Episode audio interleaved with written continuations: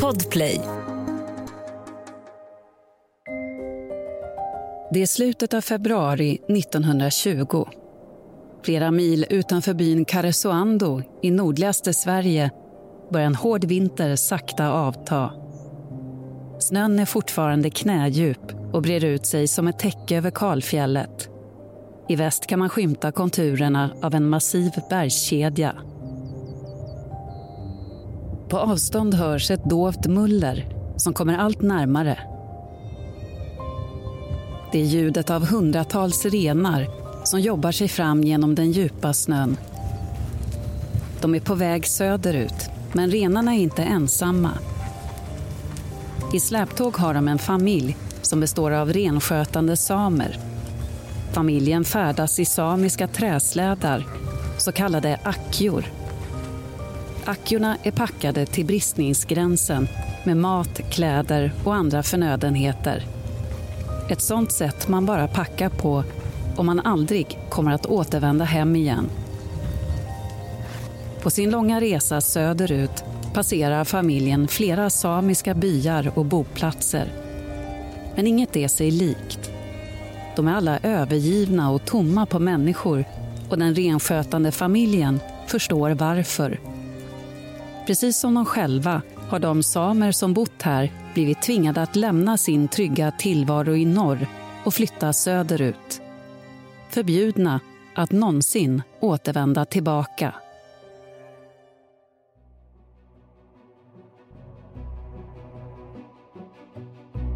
Du lyssnar på Sveriges mörka minnen.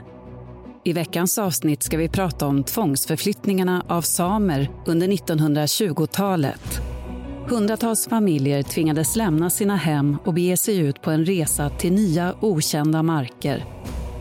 Det här är en berättelse om interna konflikter mellan samer, familjer som splittras och ett av de största övergreppen i samisk historia.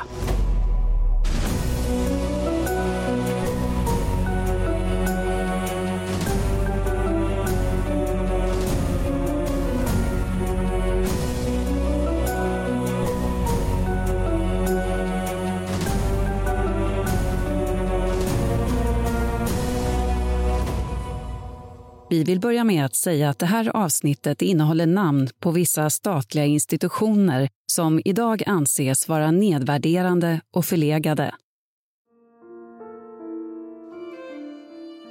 Pappan i familjen heter Jona. Hans släkt har varit renskötare i flera generationer. Som de flesta samer vid den här tiden bor Jonas familj på olika platser beroende på årstid. Under vintern håller de till längre in i landet. Men under sommarhalvåret bor de vid havet. Där kan barnen leka i vattnet och simma ut till öarna. Och där byter också pappa Jonas sitt renkött mot fiskesamernas fisk. Men allt det där har förändrats nu.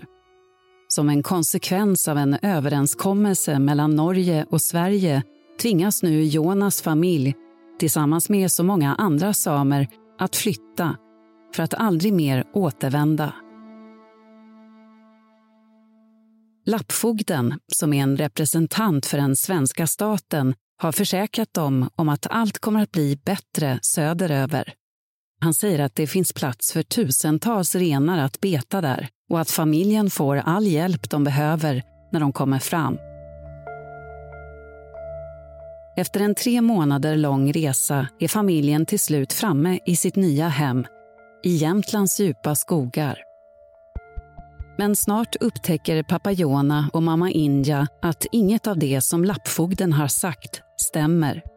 Istället är det en helt annan verklighet de möter i deras nya betesmarker För att förstå varför så många samiska familjer tvingas lämna sina tidigare liv bakom sig för en oviss framtid långt söderut måste vi backa bakåt i tiden till när samernas landområden såg helt annorlunda ut. År 1751 bildas riksgränsen mellan Sverige och Norge. Det här påverkar också samernas landområden, Sápmi som splittras och delas upp för första gången. Tidigare tillhörde inte samerna olika länder men nu finns det alltså både norska och svenska samer. I gränsöverenskommelsen finns en bilaga som kallas för lappkodicilen. Den säger att samerna ska ha fortsatt rättighet till mark i både Sverige och Norge eftersom de har renbetesmarker på bägge sidor om gränsen. Samerna, som är ett nomadfolk, får alltså flytta över riksgränsen hur de vill. Vi hoppar fram nu, ett sekel, till år 1852. Ryssland, som vid den här tiden styr över Finland, kräver boplatser till finska fiskesamer vid den nordnorska kusten. Men det vägrar Norge gå med på. Som ett gensvar stänger därför Ryssland gränsen till Norge. Det gör att norska samer inte längre får använda sina vinterbetesmarker i Finland. Då väljer många norska samer att flytta till byn Karesuando i nordligaste Sverige och bli svenska medborgare. För svenska samer har fortfarande rätt att röra sig fritt över den finska gränsen. Men det kommer inte att bli särskilt långvarigt. Några decennier senare, år 1889, stänger nämligen Ryssland även gränsen mellan Sverige och Finland. Nu får inte heller svenska samer ha sina renar på den finska sidan och det ger stora konsekvenser. De norska samerna som har blivit svenska medborgare måste nu byta stat igen. Eller så gör de som många svenska samer och flyttar till norska öar och fjordar under sommarhalvåret. Men samtidigt har en annan konflikt uppstått. Den norska staten gillar inte att så många svenska samer har sitt sommarbete vid den nordnorska kusten. Norska regeringen är väldigt mån om landets lantbruk och havsfiske och vill att fler icke-samiska jordbrukande norrmän ska flytta norrut. Nu hävdar man att renarna förstör jordbruksmarken för dem. Det finns också en djupt rasistisk bild av samerna som vildar och ett utdöende folk och man anser att de inte passar in i det norska samhället. Av de här anledningarna vill den norska staten ändra lappkodicilen och 1883 tar man det första steget mot att begränsa samernas rörelsefrihet. Då fattas beslut om att begränsa de svenska samernas rätt till norskt sommarbete. År 1905 sker unionsupplösningen mellan Norge och Sverige som har varit i union med varandra i 91 år. Självständiga Norge vill nu att de svenska samernas rättigheter på norsk mark ska försvinna. Något som Sverige inte går med på. Inte helt i alla fall. Lappkodicilen fortsätter att gälla men kompromissen blir till slut att de svenska samernas rätt till sommarbete i Norge begränsas. Den svenska regeringen går också med på att sydsamerna i Jämtland och Härjedalen helt förlorar sin renbetesrätt i Norge. Med andra ord har förutsättningarna för samernas renskötsel radikalt förändrats till det sämre. Och värre kommer det att bli.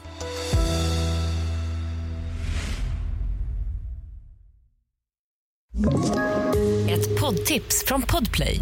I fallen jag aldrig glömmer djupdyker Hasse Aro i arbetet bakom några av Sveriges mest uppseendeväckande brottsutredningar går vi in med hemlig telefonavlyssning och, och då upplever vi att vi får en total förändring av hans beteende. Vad är det som händer nu? Vem är det som läcker? Och så säger han att jag är kriminell, jag har varit kriminell i hela mitt liv men att mörda ett barn, där går min gräns. Nya säsongen av Fallen jag aldrig glömmer på Podplay.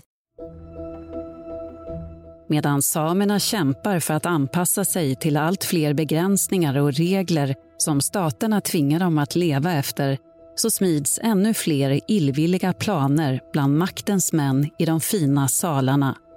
Planer som snart kommer att förändra livet totalt för en stor mängd samer.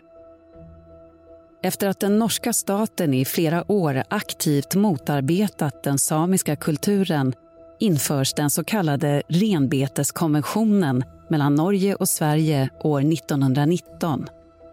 För svenska samer innebär den bland annat att antalet tillåtna renar på sommarbete i Nordnorge minskar drastiskt. Efter att renbeteskonventionen signerats av ländernas utrikesministrar så börjar situationen bli ohållbar för de svenska samerna. De är mer eller mindre beroende av sina sommarbetesmarker i Norge. Utan dem går det inte längre att bo kvar i de nordligaste samebyarna. De nya reglerna gör att varken marken eller betet räcker till alla tusentals renar som samerna har hand om. Renbeteskonventionen har utlöst en negativ kedjeeffekt för samerna och svenska statens lösning på problemet blir en mörk historia.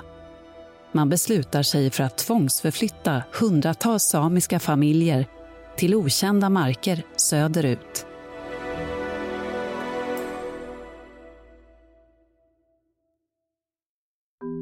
Beslutet ses ur statens perspektiv som helt oproblematiskt eftersom samerna ändå är nomader och vana att flytta runt. Men faktum är att de flesta samefamiljerna har fasta platser dit de återvänder varje år.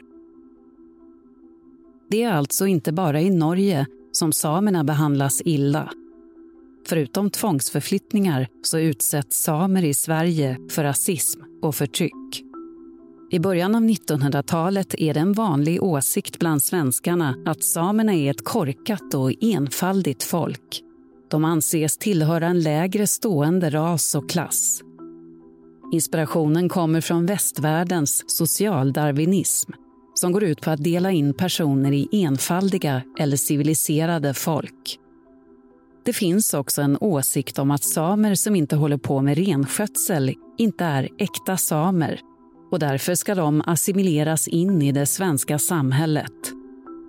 Men de renskötande samerna de ska hålla sig på sin kant och uteslutas från den svenska kulturen. Lapp ska vara lapp, kallar man det.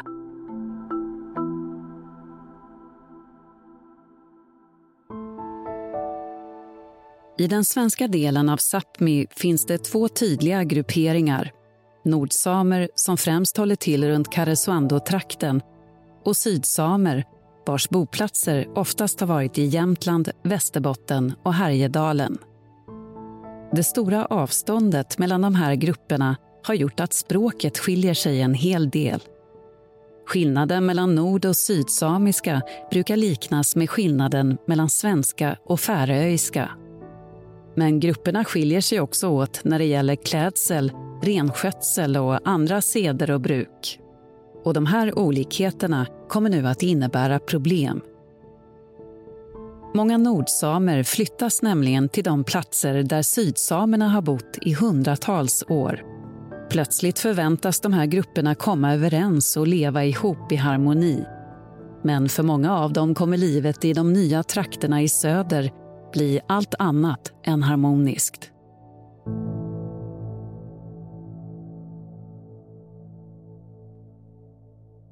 En flytt söderut kan ta månader, ibland till och med år. Även om vissa frivilligt går med på att flytta på grund av den ohållbara situationen i norr är majoriteten negativt inställda till att lämna sina hem. Platser där familjer levt i generationer, marker där man känner till varenda liten sten.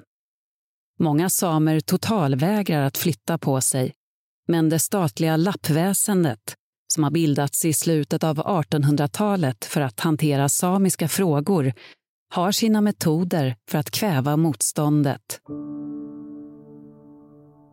De hotar med böter och tvångsslakt av renar för de familjer som inte vill hitta nya hem.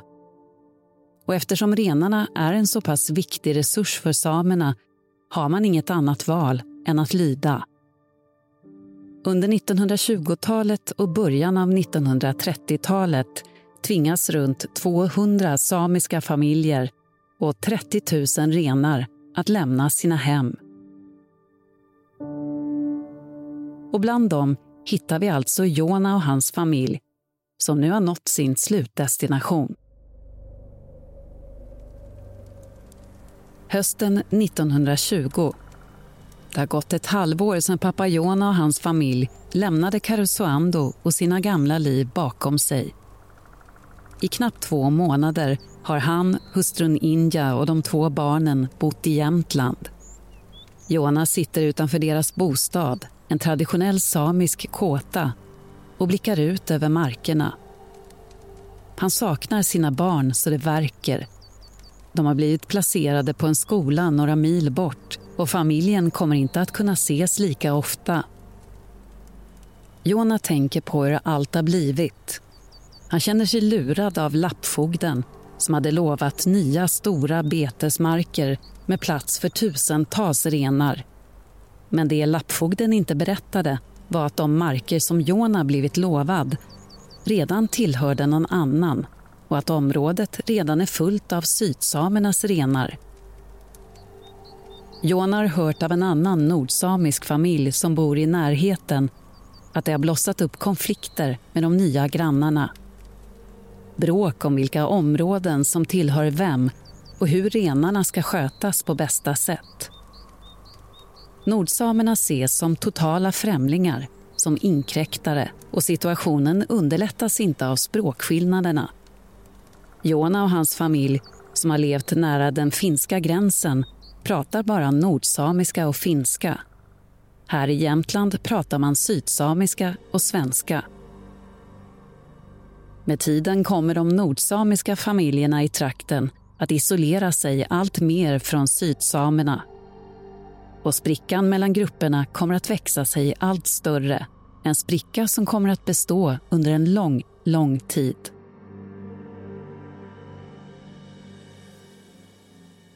Tvångsförflyttningarna pågår under hela 1920-talet och en bra bit in på 30-talet. Och då införs också nya regler som säger att varje samefamiljs renar ska räknas och märkas. Något som aldrig tidigare har gjorts. Anledningen är att lappväsendet anser att renjordarna börjar bli för stora. Så småningom börjar man också tvångslakta renar för att få ner antalet. Flera familjer måste göra sig av med mellan 100 och 200 renar.